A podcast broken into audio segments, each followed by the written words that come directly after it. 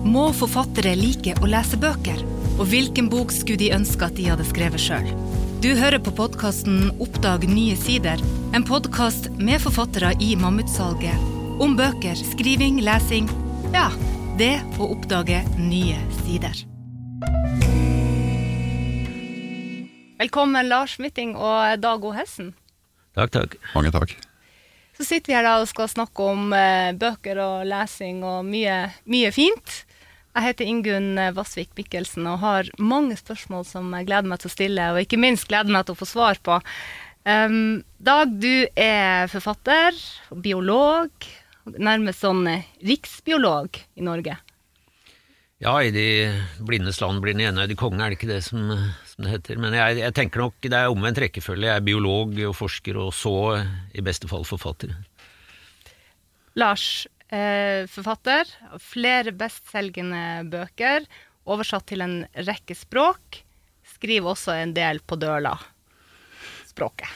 Ja, jeg prøver Eller det flyter nå inn i teksten, og så er det en viktig del av eh, talemålet mitt. Jeg har aldri helt forlatt dialekta. Så det.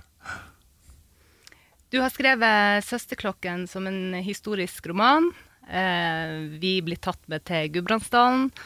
1800-tallet. Kan du si noen ord om hva eh, den eh, handler om? Det er altså første bok i en triologi, ja. som også nå er kommet andre bok av i høst. Ja. ja.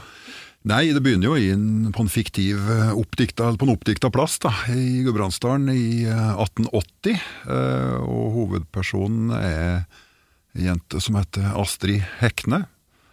En slekt som har en del snodige forbindelser bakover i tid, som er for omfattende til å gå inn i nå. Men bygda blir i dette året utsatt for sterk vilje, nemlig presten Kai Skeigård, som kommer til bygda, og det første han setter seg fore, er å rive ned den gamle stavkirka som er der.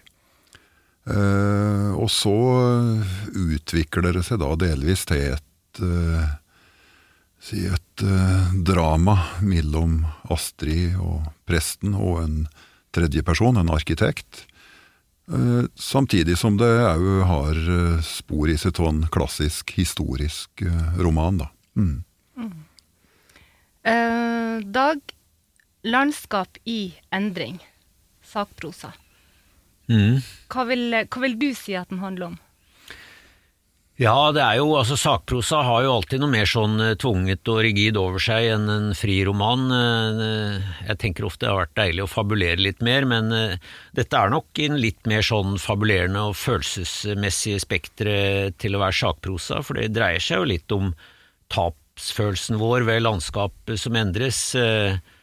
Eh, alt fra asfaltering til gjengroing, og hva betyr dette? Altså, er dette bare en helt subjektiv følelse, eller er det en objektivt dårlig ting som skjer, og hva er det som er drivkreftene bak dette? Og så besøker jeg jo, eller jeg tar jo utgangspunkt i landskapstyper som jeg sjøl har et forhold til, som Gudbrandsdalen og som Sunnmøre, hvor far min er fra, og eh, diskuterer endringer som har skjedd der også. Mm. Det blir en uh, litt tid her med menn fra, fra Gudbrandsdalen. ja. Eller i hvert fall har røtter der. Begge bøkene deres er jo på, på Mammutsalget, og vi skal selvsagt snakke mer om dem. Eh, og så skal vi jo innom naturen, som jo står sentralt i begge bøkene. Eh, og du skal fortelle, Dag, litt om hvordan det er å nesten omkomme i og av naturen. Ja før vi kommer så langt, så har jeg lyst til å bli litt bedre kjent med dere, og hva slags forhold dere har til, eh, til bøker og lesing, og hva dere bruker bøker til, og har brukt det til sjøl. Um, jeg overdriver vel ikke sånn veldig hvis jeg sier at du var glad i å lese da du var barn. Dag. Nei, jeg tenker jeg var heldig som vokste opp i en førdigital tid. Jeg har ofte lurt på når jeg ser på mine egne barn, eh, og særlig de som er gutter, da, de, hvor hekta de er på, på det digitale, og hvor, eh, hvilken aversjon de har mot å lese. Uh, om jeg sjøl hadde havna i den situasjonen, hvis jeg hadde hatt tilgangen, og hva det hadde gjort. Men jeg leste enormt med bøker, for det var liksom det vi hadde å gjøre, da. Enten var jeg ute i skogen, eller så leste jeg bøker. Så uh, jeg kom um, første, Min første avisopptreden var faktisk i Gudbrandsdølen. Jeg ble avbilda som Lillehammer biblioteks flittigste låntaker. Så det var stor stas, da. Så nei, jeg har lest alltid mye, og jeg tror det er viktig også, for det har lært meg å lese fort. Jeg har hatt veldig glede av det, og så har det gitt meg en litterær interesse. Jeg var liksom altetende da. Det var særlig sånn oppdagelseslitteratur, selvfølgelig. De store heltene. Eh, Nansen, selvfølgelig. Heierdal. Eh, Ingstad, som man gjerne starter med. Men så endte jeg etter hvert opp med alt fra Dostojevskij til Hardyguttene. Hva, hva, hva, står igjen som liksom den romanen som du husker fra ja, tenåringstida eller sent i barndommen? Jeg er ikke i stand til å skille ut noen, egentlig. Det må vel kanskje ha vært da, sånn, sånn epokegjørende, tror jeg var eh, Pelsjegerliv, som på en måte var starten for mange av Helge Ingstad. Som på en måte var der Lars Monsen tar utgangspunkt, og eh, alle som drømmer om eventyr og villmark. Eh, så fra gutteårene var det nok den, og seinere var det kanskje Dawkins' uh, 'Selfish Gene', men det er jo mye seinere da, og en mer faglig bok. Mm. Enn du, Lars, som barn? Ja, nei, jeg kjørte mye det samme som Dag. Jeg tok spark ned på folkebiblioteket i Ringbu. Husker, og jeg, var, jeg leser vel aldri noen av de vanlige barnebøkene, men jeg gikk veldig fort over til sakprosa-rommet. Det var, det var, en vegg på ett klasserom som var tilstøtende det egentlige biblioteket. Så jeg satt der, eh, og, og det var egentlig mye av den lesinga som var viktigst for meg da jeg, da jeg vokste opp. Og så husker jeg Men den, de store fortellingene som virkelig grep meg, de hadde en ting til felles, at det var alle foregikk ute på ei øy. Og det vi husker det ekstra godt, det var Jules Verne, Den hemmelighetsfulle øya, uh, og Robinson Crusoe. Begge bind, faktisk, i 1917-oversettelse. Uh, fordi de, og jeg tror det fascinerte meg fordi at det var, det var et sakprosalag i dem. Det var gjenoppbyggingen av sivilisasjonen og verden, der, der den var u ikke utsletta, men der den ikke eksisterte. Står disse seg i dag? Ja, som, eh, som eh, eventyr og beretninger gjør de det. Og jeg syns òg det er veldig viktig at de er delvis ukorrekte. fordi at eh, det lærer oss mye om fortida og fortidas oppfatninger. Hva som var gangbart, og som ingen bemerka seg med da, men som kanskje er litt eh, skrikos i øynene i sine oppfatninger av eh, rase og kjønn og klasse, klasseskiller. Mm. Jeg mener det er en uh, fordel å se, og at det ikke skal viskes ut. Ja. Nei, enig i det. Jeg tror særlig altså, de skjønnlitterære bøkene som var klassikere da, er jo ikke blitt klassikere uten grunn. Det er jo fordi de treffer noe generelt hos oss og appellerer til noe større som er ganske unikt Eh, gir en unik opplevelsesverdi for de fleste som leser de, så de står seg. Klart mye av det andre jeg leste, står seg jo ikke da. Eh, men det, det avhenger av hvem som leser også. Jeg er jo blitt en modnere person heldigvis enn jeg var som gutt. Eh, men det er, som Lars sier, altså, det er dette med bøker som har utgangspunkt i noe faktisk, noe som har skjedd eller kan ha skjedd. Altså Det er ikke helt fri fantasi, men så er det utgangspunktet, og så kan du bygge opp et, et litterært univers rundt det. Eh, må en forfatter like å lese? Ja, det, det stikker meg litt, fordi at når jeg skriver sjøl, så blir jeg så rastløs at jeg har vondt for å konsentrere meg godt om, eh, om andre bøk. Men jau, jeg tror nok de aller, aller fleste skal svare ja på det, altså. Ja, altså, jeg tror ikke du kan skrive god litteratur uten at du har lest mye god litteratur. Det har jo med språk i seg sjøl, altså at du har et godt uh, ordtilfang, at du veit når metaforer skal brukes og ikke, og uh, altså at du har fått en slags sånn trygghet og bevissthet på språk. Samtidig som man må skape sitt eget, uh, selvfølgelig. Men å begynne som forfatter uten å ha lest uh, andre bøker. Det kan da gå an hvis du har en veldig sånn snever type sakprosa, det er klart som bare er uh, faktagjengivelse, men på en litt sånn mildere form. Da behøver du nok ikke ha lest så mye, men skal du skrive noe som har uh, litt litterære kvaliteter, så tror jeg det er en, et must at du har lest mye sjøl.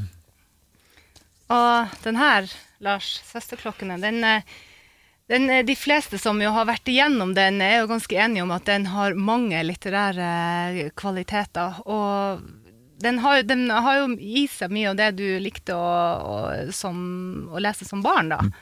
Eh, en, en rot i det virkelige. Mm. Og litt det uvirkelige òg, da, for ja. å si her. Og litt, litt overtro og sagn som, som får plass. Eh, du, um, vi, du har jo nevnt at vi skal til, til Butangen i, um, i Gudbrandsdalen. Og det jo, den har du plassert liksom tett opp mot ditt hjemsted, eh, Fåvang. Mm. Uh, hovedpersonene da er Astrid og Kai og Gerhard uh, Schønauer, som kommer som arkitekt. Um, hvordan jobba du da du bygde disse karakterene, for de er jo ikke virkelige? Eh, det er delvis eh, en slik klattvis inspirasjon, der de ikke er veldig hæle da jeg begynner å, begynner å skrive. Uh, og jeg må ha skrevet en god del, altså i flere måneder, før de begynner å framstå helt klare og fullendte for meg. Så jeg har ikke den evnen til å sitte på forhånd og klekke det ut. Det blir til mye inne på arbeidsrommet mitt eh, men, mens jeg drømmer fram, eh, drømmer fram historia. Eh, og det aller meste av det er nok en eh, slik eh, romantisk eh, følelse til å se eh, noen liv som kan ha eksistert. Da. Og eh, oppå det en slags trang og delvis en plikt, faktisk, til å prøve å fortelle om dem så rettmessig som som jeg kan, og så fint jeg kan. Samtidig så er det et kynisk element i dette her òg, at jeg må ha et maskineri som driver romanfortellinga fram. Og da er for eksempel eh, en prest en eh, veldig nyttig eh, karakter å ha med i ei bok, fordi at vedkommende er i umiddelbar berøring med alle hendelser i bygda, og de store, glade hendelsene, og de triste og fatale. Så slik sett så er det òg om å gjøre å tildele dem et rollesett, men uten at det skal være et øh, slik, øh, kalkulert, synlig, mekanisk lag, da. Uh, ser du dem sånn tydelig? Får de liksom ansikt og kropp og Nei, Etter jeg, hvert? jeg ser eh, Nei, jeg, jeg pleier å si at jeg ser, jeg ser ryggen på dem. Ja, jeg ser ryggen og nakken og bakhugget, men ikke, ikke, ikke så mye i, i ansiktet. Beskriver veldig sjelden åssen noen ser ut òg. Så de eh, Men eh, og Det kan høres litt floskelaktig ut, men jeg kjenner som viljen deres. Stavkirka i eh, Butangen, den eh, blir jo solgt. Det, det er jo liksom her den, den er forankra i, i norsk historie, og den, det handler om eh, stavkirkerivinga i, i Norge. Eh, hvilke tanker gjør du deg om nordmenns forhold til um, våre minnesmerker og måten vi tar vare på våre kulturminner? Ja, det er jo kanskje der denne boka si, tar et steg ut i et større eh, bilde på samfunnet vårt og på mentaliteten vår. eh, Ikke minst forholdet vårt til våre minnesmerker. For eh, oss hadde jo flere hundre stavkirker, og de ble revet systematisk gjennom særlig 1700- og 1800-tallet. Og jeg mener vel at uh, Norge hadde vært et ganske annet land dersom vi ikke hadde hatt igjen uh, si et eh, ja, noen og tjue stavkirker som vi har nå, men tenk dersom vi hadde hatt igjen uh, 200, 300. Eh, og jeg mener òg at det er et bilde på at oss, eh, i motsetning til andre land som bygger sine praktbygninger i stand, eh, er et land som bygger i et forgjengelig materiale, slik som da forgår og råtner bort, slik at naturlig nok er lettere og mer nødvendig, fortere og rivere. Mens andre kulturer ser hundreårene før seg på prominent og gjerne urbant sted og blir minnet på det. Eh, mens, eh, mens oss eh, som bygger i tre, har rett, lettere og ofte å være mer nødvendig å feie bort. Hva du tenker om det, Dag? Jo, det er et veldig interessant perspektiv, og kanskje et tangeringspunkt mellom disse bøkene. Altså, Husker Søstera mi skrev særoppgave om stavkirka i Ringebu, som jo godt kan ha vært modell for den som er usedvanlig flott stavkirke, og så flott at den er blitt beholdt, da, men hvordan vårt forhold har endra seg. Det var jo en stund, eh, kanskje 60, opp på 70 og helt opp på 80-tallet, at eh, eh, norske bygder ble ødelagt, og særlig småsamfunn som ble hvor man jevna all den gamle trehusbebyggelsen med jorda og fylte det opp med sånn lagerbygglignende eh, betongkladder som har virkelig ødelagt, og som i dag ser selvfølgelig var katastrofalt, men som da var et symbol på framskritt, og at Norge var på vei, å få bort det gamle røklet var jo liksom eh, mantraet. Så, så, det er interessant hvordan dette snur med, med tida, og det samme gjelder vårt forhold til natur òg. Eh, jeg tror det har, i hvert fall når det gjelder forhold til natur, kanskje også gamle bygg, så var det dette med framskrittstankegangen som var så sterkt framme, at jo mer du ble kvitt av det gamle, og jo mer du kunne få av det nye, med en sånn veldig tro på at det nye alltid var bedre enn det gamle, eh, det var nok eh, trenden fram til, fram til langt ut på 70-tallet, og så har det snudd da. Så dette er jo en kulturell trekk også, samtidig som, som jeg snakker litt om i min bok, en del av dette Eh, landskapslengselen som vi har, eller landskapspreferansene, tror jeg sitter veldig dypt i oss. At det er åpent landskap med utsyn, tilgang til vann, en del sånne ting som man har vist er unisont for mennesket. Ja, hva, det, hva det handler om? Det har jo noe med noe ja, det, altså hvis man tar de evolusjonære brillene på, da, som en biolog gjerne gjør, så har det jo med at vi har levd, mennesket har levd nesten hele sin forhistorie i Afrika, og på en måte kanskje blitt prega på dette åpne landskapet, og som har gitt oss ly og mat og Eh, på en måte det prefererte landskap. Altså virkelig sånn mørk, dyster plantasjegranskog for eksempel, er det nesten ingen som liker, selv om det er skog. Eh, på samme måte som folk liker soloppganger bedre enn solnedganger. og Det er en del sånne interessante ting som antagelig spiller på hva slags landskap som, eh, som har vært gunstige for oss da, opp gjennom tidene. Men så er det jo en kulturelt trekk der også. altså Folk fra Gudbrandsdalen liker landskapet i Gudbrandsdalen, folk fra Vestlandet liker landskap landskapet med utsyn til hav, ikke sant. Så det er noen sånne lokale pregninger også. Um, Dag, du, du, har jo snakka litt om boka di, jo, og du bruker jo en Den er også forankra i din families historie. Uh, og du bruker en reise som uh, som en litt sånn rød, rød, tråd i den, hvor du reiser tilbake til ditt uh, barndomsparadis, ferieparadis. Mm. Eh, hva, kan du bare fortelle litt om, om hva, du, hva, du, gjorde da? Ja, som jeg sa, så er det en litt annerledes bok enn andre sakprosabøker som jeg har skrevet, som er ja, til dels fagtunge, men hvor jeg prøver å flette inn litt eh, stoff som myker det opp. men mens denne er jo mye mer sånn personlig, og nettopp fordi at jeg tror vårt forhold til landskapet har jo mer med følelser enn med fakta å gjøre, helt klart selv om jeg lurer inn noen fakta her også. Så eh, er jo en sånn reise en god beskrivelse, fordi, eh, eh, fordi den starter jo sant, med barndommens landskap, og så reiser du både i tid og, og rom. Og vi dro jo hver sommer til øy på Sunnmøre som heter Hessa, hvor navnet kommer fra for øvrig. Eh, som min far vokste på, da, på et småbruk der, og som var virkelig min barndomsparadis, med et, eh, ja, et åpent landskap med aktiv gårdsdrift. Og, eh, og, så har det jo gått med det landskapet som med det meste annet, at dels har det grodd igjen, bruka var for små til å opprettholdes, de ble nedlagt, så, og mye er bygd igjen. Så der hvor det før var liksom et åpent, vakkert landskap, eh, og det tror jeg de fleste ville vært enig i, er nå tetta igjen med hus, veier, asfalt, og der hvor det ikke er noe, eh, er liksom jordene grodd igjen med, med, busk og kratt. Så for meg er dette et stort tap, altså. Og jeg skriver jo der jeg tok med eh, sønnen min opp dit for at han skulle få Han hadde bare vært der som bitte liten huska ikke noe, vi skulle gjenoppleve dette. og han hadde ikke noe forhold til dette i hele tatt, og var liksom ikke noe storslått ved det, annet enn at familien kom derfra. Og jeg sjøl merka jeg hadde mista liksom all følelse for dette, for det var ikke det samme landskapet jeg, jeg kjente.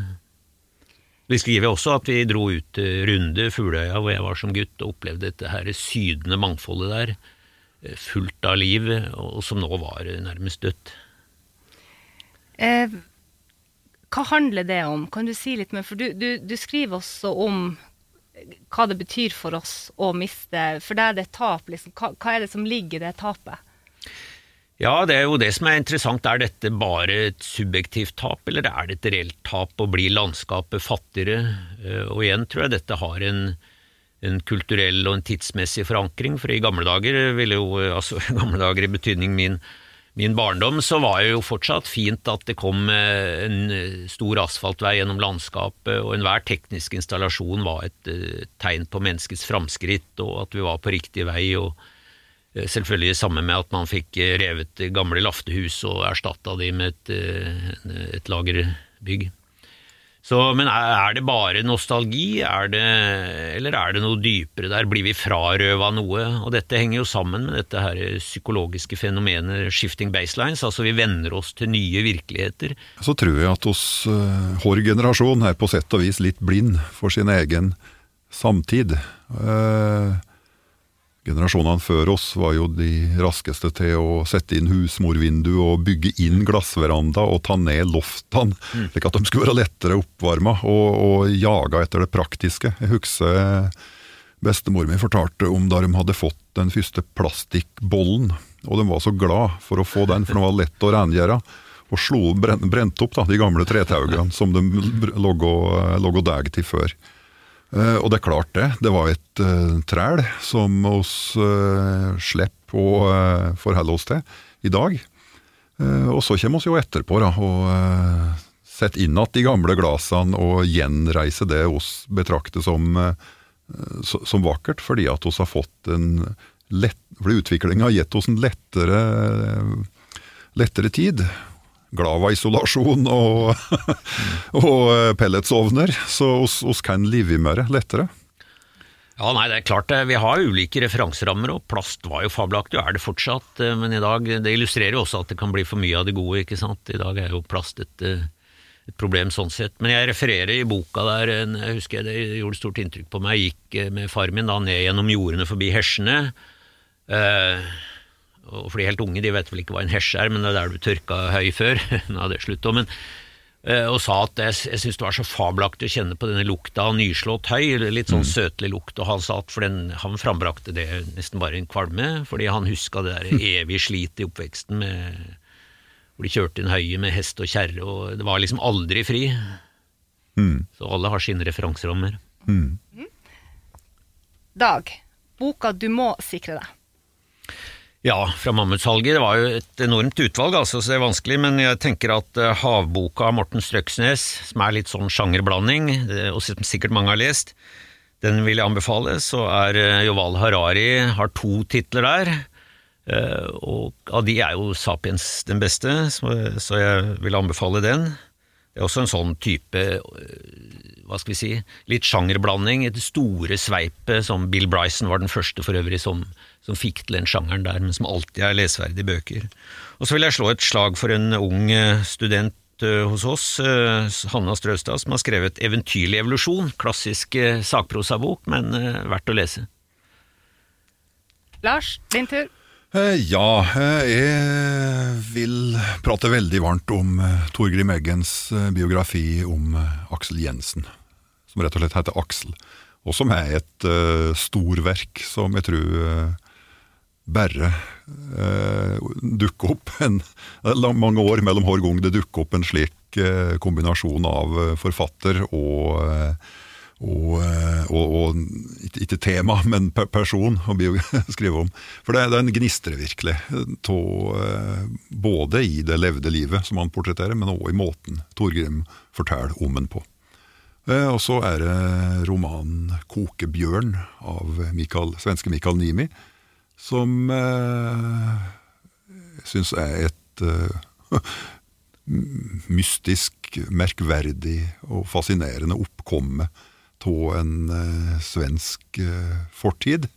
Og det er òg eh, forfatteren eh, som virkelig har fått tak på et materiale som bare han, tror jeg, kunne levendegjort så godt som, som han. Ja. Hvilken bok på Mammutsalget skulle du ønske at du hadde skrevet sjøl, Dag? Ja, igjen er det vel kanskje Eh, Havboka minner om en bok jeg eh, har hatt i tankene lenge, men ikke fra havet, da, men fra land, og som jeg kanskje kommer til å skrive, men da ikke om eh, håkjerring, men om jerv. Men eh, ja, det hender jo man leser bøker og man tenker 'pokker, dette har jeg tenkt på', eller, men jeg hadde ikke klart det så bra, da. Det er jo Enn du, Lars? Du, jeg har en litt rar fascinasjon for Patrick O'Brien og hans eh, umåtelig store serie eh, om, eh, om sjøfarten på 1800-tallet. Så den som er på Mammuten nå, det er vel Seilernes øy, tror jeg den heter. Og så Ja, fra Seilernes øy. Det er altså en uendelig lang og snirklete bokserie om, eh, om eh, britisk marine. Eh, Og jeg fatter ikke åssen overskudd og åssen hjerne dette her kommer fra, for det er et mylder av historisk kunnskap og, sjø, og sjøfartserfaring som kommer til live der. Dette er vel bok, jeg vet ikke åssen bok det er, om det er nummer 13. Men jeg, jeg, har, jeg har kjøpt alle sammen på Mammut. Det har jeg gjort. Lag den morsomste bokopplevelsen du har hatt. Um, ja, det blir litt svar skyldig, for jeg har liksom aldri gått etter de morsomme bokopplevelsene, men jeg tror den første som virkelig var en sånn aha-opplevelse for meg, og som også er morsomt skrevet, da, det er jo et poeng. Jeg tror alltid at bøker bør ha et lite sånn glimt i øyet. Det var kanskje nettopp Bill Bryson som jeg nevnte, med en kort historie om nesten alt, som starta en helt ny sjanger. For så vidt, Han skriver om sakprosa, han er jo ikke forsker sjøl, men han, er journalist, men skriver med en sånn underfundig blikk. Ja, hvorfor er det sånn? Han sitter i flyet og ser eh, havet under seg og begynner å tenke på flo og fjære og skjønner hvor lite han kan om verden. Og så blir det en veldig sånn artig gjennomgang av, eh, av hvordan de store tingene henger sammen. Altså av rått, morsomt og humoristisk eh, lesning, så er det ingenting som jeg har lest som har sli igjen. Mikael Nimi, populærmusikk fra Vittula. Som eh, bare forløser gapskratt, og òg en eh, som forteller, nesten en undring på åssen klarer han dette? Åssen klarer han å vikle oss ut i denne situasjonen og fortsatt få det til å henge sammen? Og føre i hop både folkeliv og kultur, og rå slapstick. Jeg kan føye til et par, hvis jeg får lov til. Altså, Fredrik Sjøberg syns jeg skriver utrolig artig, og det er igjen denne her eh, morsomme skråblikk, og han er også full av innfall, og du tenker også hvordan er eh, hjernen hans skrudd sammen. Altså, han skriver altså, Særlig Fluefellen, da, men også Rosinkongen er, er kongelige bøker. Og, og jeg kunne jo også tatt med selvfølgelig Hyttebok fra helvete, av Kalvø, som er, den er genuint morsom. Den har vel Ja. etter hvert alle lest, men, men Fredrik Sjøberg har nok ikke så mange lest, og det er artige bøker, altså. Det er jeg helt enig i. Rosinkongen er en perle. Ja, han er det. Ja. Før vi runder av, så um, vil jeg litt tilbake til skriving. Uh, og dere er jo to skrivende mennesker som uh, tenker har liksom prosjekt gående uh, nesten hele tida. Er du i gang med bok nummer tre, Lars? Ja, jeg er det. Jeg er litt i den lette fasen, der jeg kan sitte nokså uforpliktende og skrive bruddstykket og prøve å se linjer framover. Men den, den harde arbeidet er ikke ordentlig i, i gang med enda. Men jeg vet åssen eh, alt skal ende, ja. Hvordan, eh, og det, det blir tre bøker, som, eh, og, ikke, og ikke flere. Så jeg har, jeg, jeg har dem i tankene hver dag, personene i, i den boka. Kjenner du på prestasjonspresset? Nja, det er litt Det blir litt borte når jeg setter meg ned. Det jeg merker, er mer en eh, at jeg har med meg en leserglede, som jeg vet eh, folk har hatt eh, der ute. Og det er mer det at det gir meg en oppmuntring til å fortsette. Du, Dag? Ja, jeg har jo liksom aldri tid til å skrive bøker, for jeg, jeg leder jo et forskningssenter, og det er alltid noe annet som må skrives, noen artikler eller rapporter. Så jeg skriver, jeg har alltid tenkt at neste gang jeg skriver ei bok, skal jeg gjøre det som en ordentlig forfatter, ha litt ordentlig tid og sitte på hytta og kanskje et glass rødvin innen rekkevidde, sånn som en ser for seg at en ekte forfatter skal ha. Mens jeg skriver alt jeg gjør sånn på stjålen tid, lørdag- og søndagsmorgener og eh, på kvelder, og eh, ja, av og til hender det jeg tar litt dagtid òg, men det, det blir liksom stjålne øyeblikk her og der, og en veldig suboptimal måte å skrive på, altså, for du får de der eh, korte halvtimene. Men så hender det jeg går inn i sånne når jeg virkelig kommer i gang, så gripes du liksom av den der rusen. Da klarer jeg ikke å legge det fra meg, så har jeg ofte en intensiv skriveperiode. Men eh, ja, det koker av ideer til, til bøker. Jeg har, eh, men jeg har i hvert fall og nå tror jeg jeg er i ferd med å, å avrunde liksom det der klassiske sagprosa, litt sånn tvungne. Nå har jeg lyst til å prøve litt mer sånn åpne bøker. Kanskje ikke romaner, da, jeg vet ikke om jeg har det i meg, men i hvert fall Uh, ja, litt mer åpne, fabulerende, uten tunge referanselister osv. Så, videre. så jeg har ideer til et par til. Oppdag nye sider er laga for Mammutsalget. Og du kan velge i over 800 titler på Mammutsalget, og du finner det i bokhandlere over hele landet. Det varer fra 15. til 27. februar. Det er veldig hyggelig om du vil abonnere på podkastserien Oppdag nye sider. Og gi oss gjerne din vurdering av serien. Vi høres.